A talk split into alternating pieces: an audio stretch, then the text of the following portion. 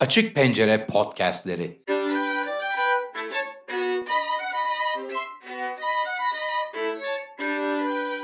Bir düştüm yola kültür yolculukları girişimi.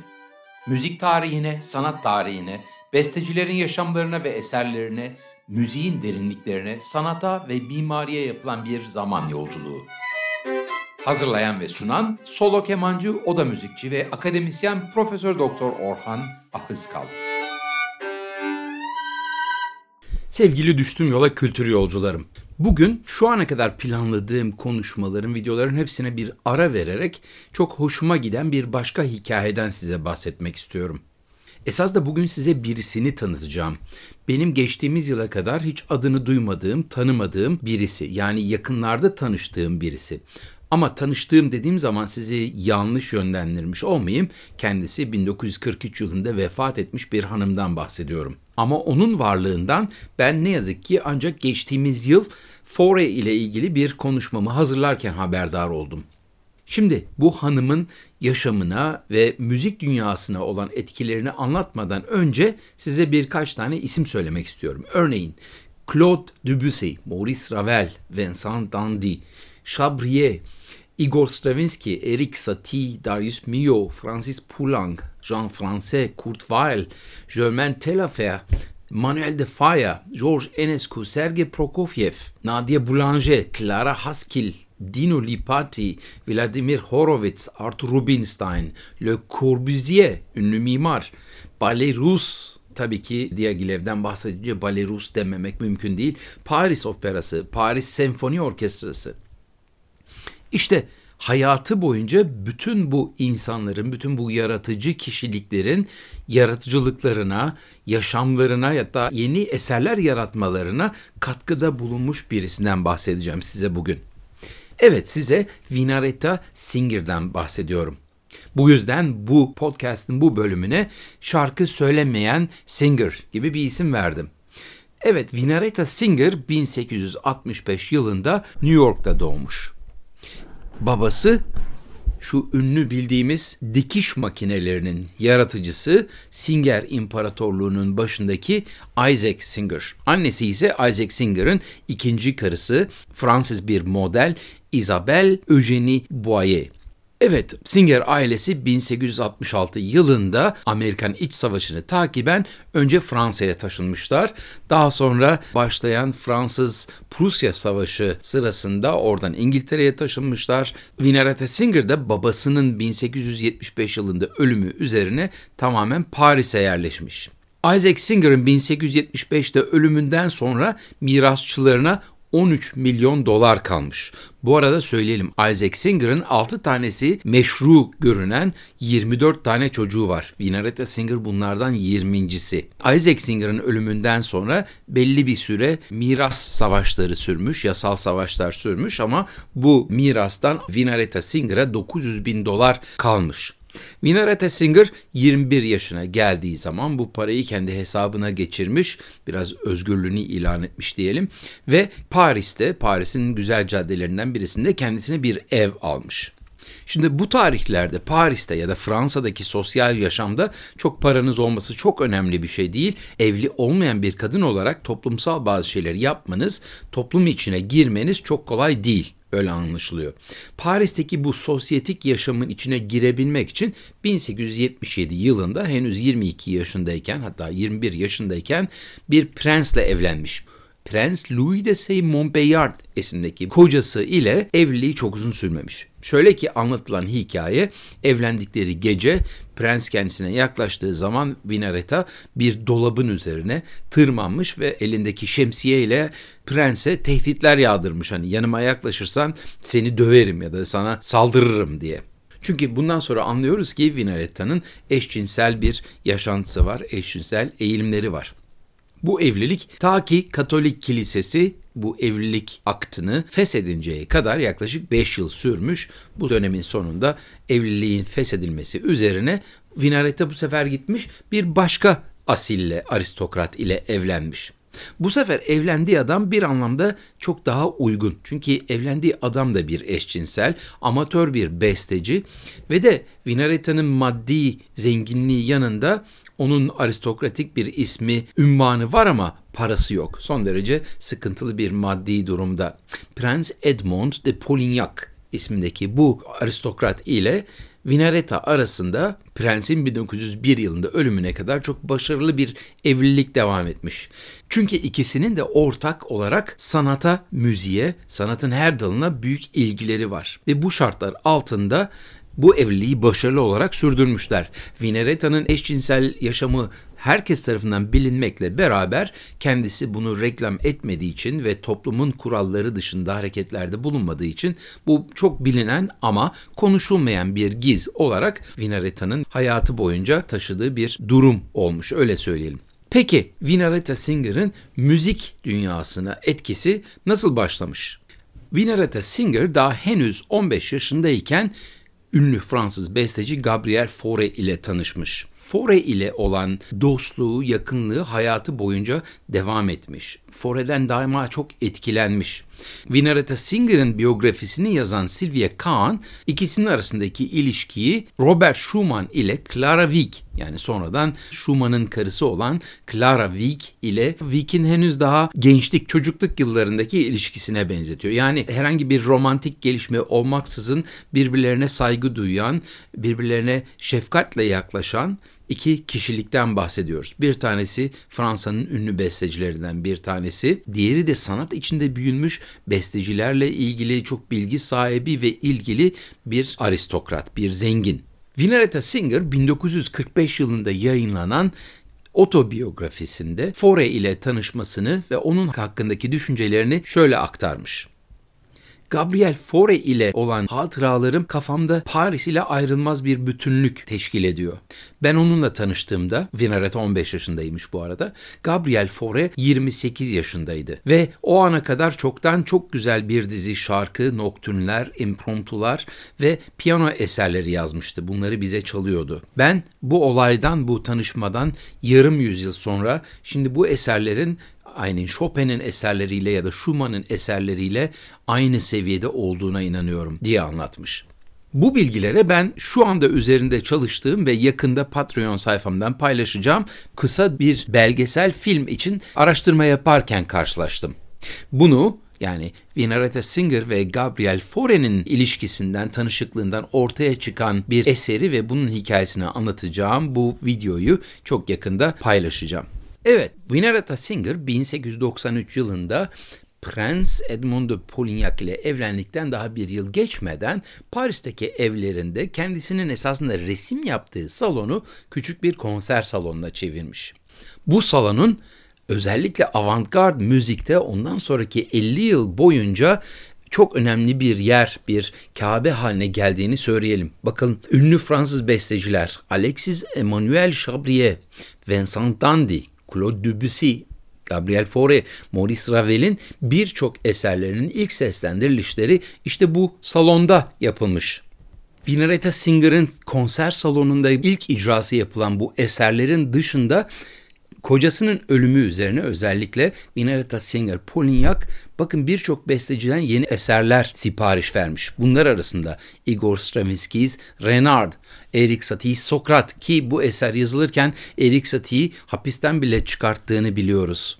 Darius Milhaud'un Le Malleul d'Orphée Francis Poulenc'ın iki piyano için konçertosu ve org konçertosu, Jean France'nin Le Diable Boato ve 12 çalgı için serenadı, Kurt Weill'in ikinci senfonisi, Germain Taillefer'in birinci piyano konçertosu, Manuel de Falla'nın El Retablo de Maese Pedro isimli eseri bu eserlerin hepsi Prenses Edmond de Polignac'ın siparişi üzerine ortaya çıkmışlar. Bu salon ayrıca o dönemde Paris'te yaşayan sanatçıların sık sık gidip geldikleri bir yer olmuş. Bakın ünlü Fransız yazar ve eleştirmen ve deneyci Marcel Proust'un salon kültürüyle ilgili yazdığı yazıların kökeni bu salon. Prenses de Polignac'ın salonuna gidip gelenler arasında ünlü Amerikalı dansçı Isadora Duncan, Fransız şair ve yazar Jean Cocteau, Fransız ressam, empresyonizm akımının yani izlenimcilik akımının en önemli isimlerinden Claude Monet, Fransız yazar Sidonie Gabriel Colette buraya sık sık gelen sanatçılar arasında. Bu arada Vinaretta Singer Ayrıca Rus emprezaryo Sergey Diaghilev'in dünya ünlü Bale Rus topluluğuna da yıllarla sponsorluk yapmış. Bu topluluğun yapımlarına destek olmuş, arka çıkmış. Sadece eser siparişi vermekle kalmamış Prenses de Polignac, aynı zamanda genç yetişmekte olan sanatçılara maddi destekte de bulunmuş. Prenses de Polignac'ın ayrıca katkıda bulunduğu bu sanatçılar, icracılar arasında belki en başta ünlü Fransız şef, besteci ve öğretmen Nadia Boulanger geliyor. Bakın Nadia Boulanger öyle bir isim ki arasında çok bildiğimiz isimlerin bulunduğu Daniel Barenboim, Lennox Berkeley, Idil Biret, Amerikalı besteciler, Elliot Carter, Aaron Copland, David Diamond, ünlü orkestra şefi John Elliott Gardner, Amerikalı besteci gene Philip Glass, Quincy Jones, Dino Lipati gibi, Darius Mio, Astor Piazzolla, Lauro Schifrin ve Virgil Thompson gibi sanatçıların ve bestecilerin bulunduğu birçok kişi Nadia Boulanger'in uzun kariyerinde öğrencisi olmuşlar. Prenses de Polignac'ın destek verdiği diğer sanatçılar arasında ünlü piyanist Clara Haskell, Roman piyanist Dinu Lipati, Arthur Rubinstein, Vladimir Horowitz, Armand de Polignac ve ayrıca Ballet Rus topluluğu, Paris Operası ve Paris Senfoni Orkestraları da bulunuyor. Bu arada Prenses de Polignac'ın Paris'te olan etkileri ya da insanlık üzerindeki olan etkileri sadece müzisyenlerle, bestecilerle, icracılarla sınırlı değil.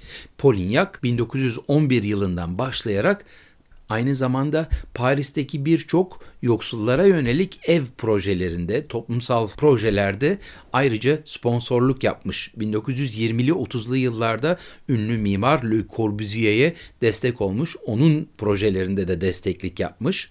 Bununla da sınırlı değil. Bakın Birinci Dünya Savaşı sırasında ünlü bilim kadını Marie Curie ile birlikte çalışmış. Birlikte savaş sırasında cephede yaralanan askerlerin röntgenlerinin çekilebilmesi için kişilere ait özel limuzin arabaları seyyar radyoloji ünitelerine çevirmişler. Ayrıca büyük bir hastanenin de kurulmasında büyük katkısı bulunmuş Polignac'ın. Sevgili kültür yolcularım, bugün bir sanatseverden bahsettim. Öyle bir sanatsever ki kendi maddi imkanları da el verdiği için belli bir dönemin uzun bir de süreçten bahsediyoruz. Müziğinin ortaya çıkmasında, bestecilerinin önünün açılmasında, icracılarının kariyerlerini yapmalarında, hatta o sanatçı kişilikler yoluyla da ondan sonraki çok sayıda sanatçı, besteci, icracı gibi kişiliklere yön vermiş, destek olmuş bir kişiden bahsediyoruz. Yani görüyorsunuz ki sanat esasında bir destek olmadan yaşayabilen bir şey değil. Debussy'nin yetenekli olması, Ravel'in çok yaratıcı olması bu onların başarılı olacağı anlamına gelmiyor. Ne gerekiyor? Onları destekleyecek, varlıklarını sürdürebilecek, sanatla uğraşırken yaşam endişeleri içine düşmeyecekleri şartların oluşması gerekiyor. Diyeceksiniz bu hiç yeni bir şey değil. Tabii ki öyle değil. Besteciler ya da müzik alanında çalışanlar ki öncelikle besteciler diyelim ya da müzik yapanlar orta çağdan itibaren Rönesans'ın sonlarına kadar ağırlıklı olarak kilisenin desteğiyle çalışıyorlardı. Yani belki maaşla çalışıyorlardı.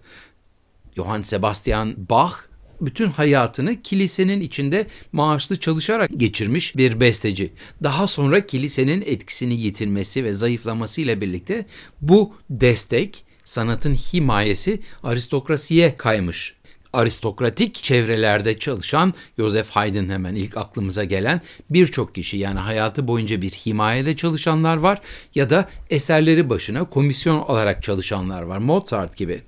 Ama ondan sonra Beethoven'dan itibaren herhangi bir himayeye girmeden sanatçılar yaşamaya başlamışlar. Örneğin Beethoven'ın sadece varlıklıların destekleri, komisyonları ya da ona ders aldırarak maddi destekler sunmaları sonucunda herhangi bir himayeye girmeden sanatsal özgürlüğünü koruyabildiğini, yaşayabildiğini biliyoruz.